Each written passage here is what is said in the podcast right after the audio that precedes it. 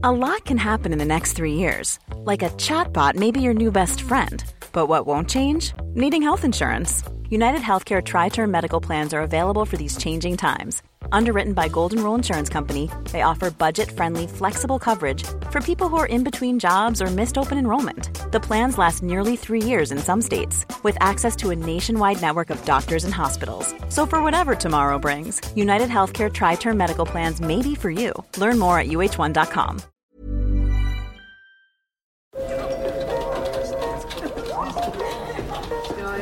Dette er lyden av norsk næringsliv. Akkurat nå tas det små og store valg som kan bli avgjørende for fremtiden. Med økonomisystemet X-Leger tas disse beslutningene basert på informasjon i sanntid, slik at drømmer og ambisjoner kan bli virkelighet. Få kontroll og oversikt, gå inn på xledger.no.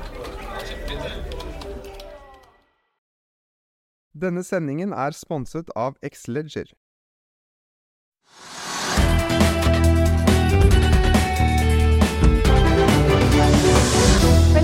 Til Økonominyhetene. Det har vært en litt sånn eh, flat til eh, negativ børsdag, men Si kjedelig. kjedelig. ja. Kjedelig. Det er, det er, Det er liksom stille etter stormen av kvartalstall, og så er det stille før alt som skal bli avklart der ute i det store rommet. Ja, det er riktig. Og markedet er jo ned 0,1% eller noe sånt, og det er ingenting. Det har vært under- altså, kjedelig hele dagen. Eh, og så er det bitte litt grann, eh, interesse for Norwegian, selvfølgelig, som da på en måte hvor tegningsperioden går ut i morgen. Og salget av tegningsrettigheter ble avsluttet i går. og Vi ser at kursen i dag er 61 kroner. Dvs. Si at verdien av tegningsretten er ned et par kroner siden i går. Og så har det kommet frem da i Finansavisen i dag en ganske stor artikkel som viser da hvordan Kjos og familien, som da solgte tegningsretter på 15 kroner per, per rett og det, Hvis de hadde solgt i går, så hadde de hatt 160 millioner kroner mer. Og De pengene de solgte for, skulle de bruke til å tegne aksjer i selskapet til da øh, 33 kroner per aksje. så de, de var nok ivrige på å bli kvitt rettene og sørge for at de fikk noe penger. For de visste jo ikke hvordan det skulle, skulle gå. Vi var inne på det i går også. Hvor langt ned ville rettene gå. Men da falt de til 15 kroner, så steg de til 27 kroner, til 30 kroner. Og Så er de tilbake til 28 kroner eller sånn nå. Så nå er det, nå er det slutt. Så nå, måte, nå skal emisjonen fulltegnes i morgen. Det var, det var Ja, for Norwegian har jo da falt, nå er den ned 4,3 Ja. I går så var den jo opp, og hvis vi ser på kursen, som du sier, så står den vel i 63 i går, Ja. og så 61 i dag. 61,2. Ja. Men egentlig så har den emisjonen som de da skulle ha for 3, 3 milliarder kroner, gått ganske bra. Men altså, spenningsmomentet var egentlig om hvor høyt ville retten gå i går, og ville falle litt i dag. Og da gikk det kanskje sterkere i går enn man kunne forvente.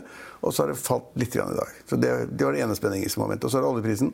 Oljeprisen er litt opp. Vi er nesten en dollar opp fra vi hadde sending i går. Ja, og det vil si da det at eh, De siste minuttene har jeg ikke sett på det, men, eh, men lettoljen er da oppe på sånn nesten 57 dollar per fat. Og Brenten er på 67 dollar på fat, omtrent rundt pluss-minus eh, der. Det vil si at oljeprisen da er opp, og de har også medført at Equinor er opp nesten 1 og Aker BP er opp 1 Men det er liksom ikke noe overraskelse i det, for oljeprisen tikker oppover for tiden. Fordi OPEC har kuttet om kuttene begynner å treffe markedet. Ja. Men så er det jo mange som spekulerer om OPEC vil kutte mer, men Goldman Sachs mener at de vil stoppe kuttene om noen, bare noen få måneder. Ja, De har blitt enige om hva de skal kutte, så det er spørsmål om de gjør det. Eh, det vet jeg ikke nå, men uh, foreløpig sier at OPEC da, sammen med Russland har ganske god kontroll med kutt på tilbudssiden, og det har fått prisen opp. Det har fått da Brenten opp til 67 dollar fatet. Det er over det, den prisen mange har regnet med for hele året. Og lettolje på 57 dollar per fat er også over det mange hadde regnet med. slik at Oljeprisen tikker oppover. De selskapene som er avhengig av oljeprisen, korrelert med oljeprisen, de går opp. Ja. det, er ikke noe, det er ikke noe spenning i det, men det er det som skjer. Men det har noe som kunne være spenning. Hva som skjer Skal vi da til USA? Nei, vi skal se på eh, shippingaksjer. Ja, selvfølgelig. Men, men skal vi ikke bare nevne veldig raskt at Wall Street falt jo kraftig i går, og det var rødt på Asiabørsene i dag. Og det er jo mye, knyttet mye spenning til dette handels... Men USA falt vel ikke mye? De falt en kvart prosent eller noe? Ja, de falt i hvert fall. Det var i hvert fall eh, dette er den verste uken hittil i 2019 for eh, amerikanske aksjer, står det i bakgrunnen her nå. Men, men eh, Huawei har jo varslet at de skal saksøke i USA. Er det liksom mye som bygger opp under litt sånn handelsspenning her nå? Ja, det er, det er mulig. Men altså sånn, et søksmål fra, fra Huawei til USA, det er, det er så langt frem i tid og så komplisert og så stort. Og det tror jeg ikke noe på i det hele tatt. Så det, men men, men, men eh, markedene er litt altså markedene både i Europa og USA er sånn pluss-minus null og litt kvart prosent ned, kvart prosent opp. Eh, Så det er ikke mye å legge vekt på. Nei. Men hvis du går konkret på Oslo Børs Da vil du inn på shipping? Ja, det er litt snålt. Eller tørrbulkmarkedet, kanskje? Ja, alle, Vi kan ta tre ting. For det første er Solstad ned rundt 5 Det er et supply-selskap. Og det er et signal på det at supply-sektoren går komplisert og dårlig, og det er nesten umulig å tjene penger der. Det er for mange supply-skip, veldig, veldig, få i drift og veldig mange opplag. Så vi har fått ett signal på at supply ikke er noe bedre. Solstad er et kjempeselskap, et av de største, og den var ned 5% i dag. Så har vi Frontline, som er et tankselskap, altså stortank. Den er også ned 5-6% i dag. Det er liksom lite negativt tegn på tankmarkedet også.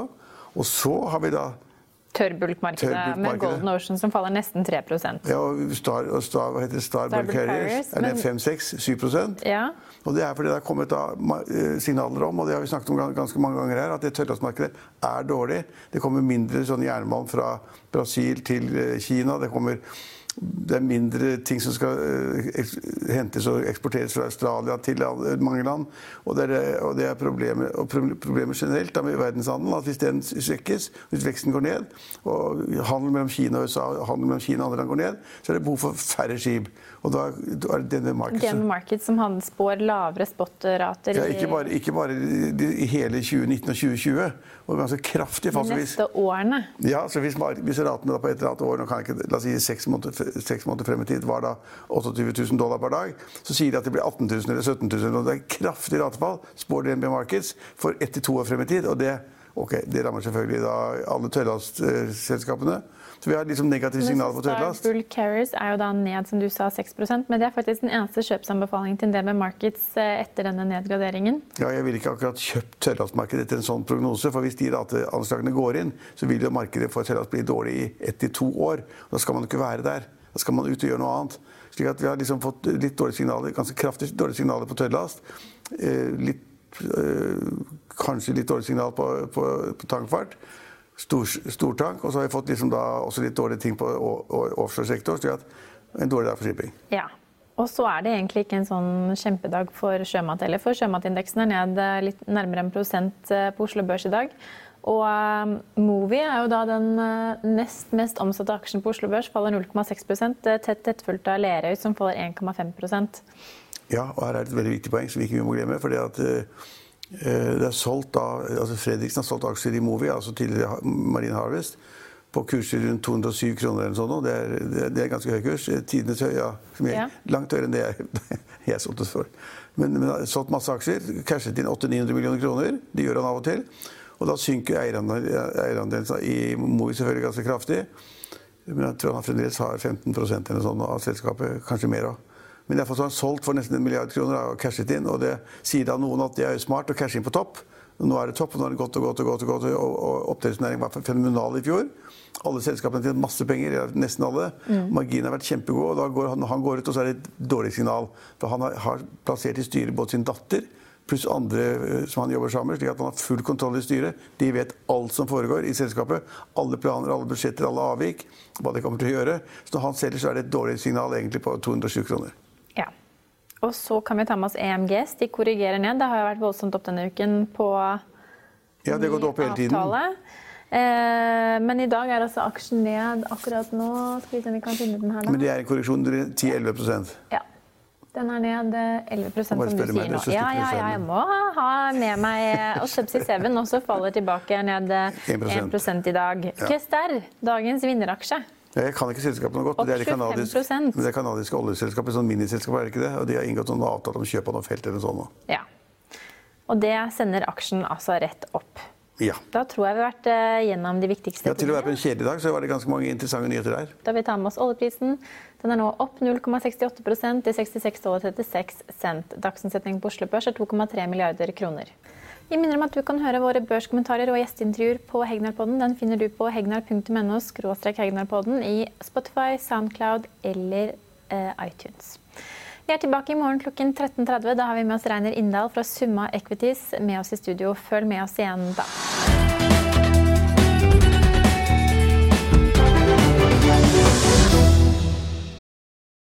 Denne sendingen er sponset av Xleger.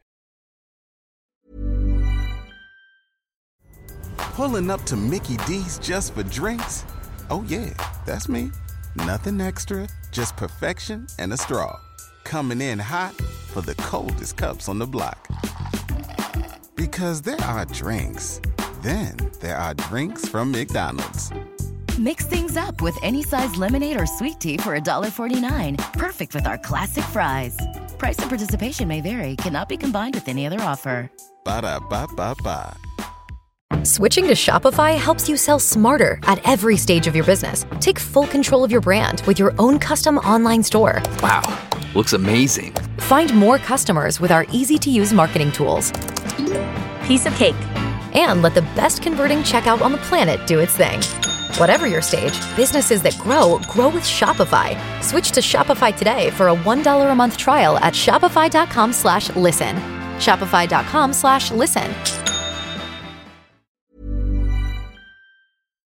Økonominyhetene er en podkast og videoproduksjon fra Finansavisen. Programleder er Marius Lorentzen. Aksjekommentator er Karl Johan Molnes. Produsent er Bashar Johar. Podkast- og videoansvarlig er Marius Mørk Larsen. Og ansvarlig redaktør er Trygve Hegnar.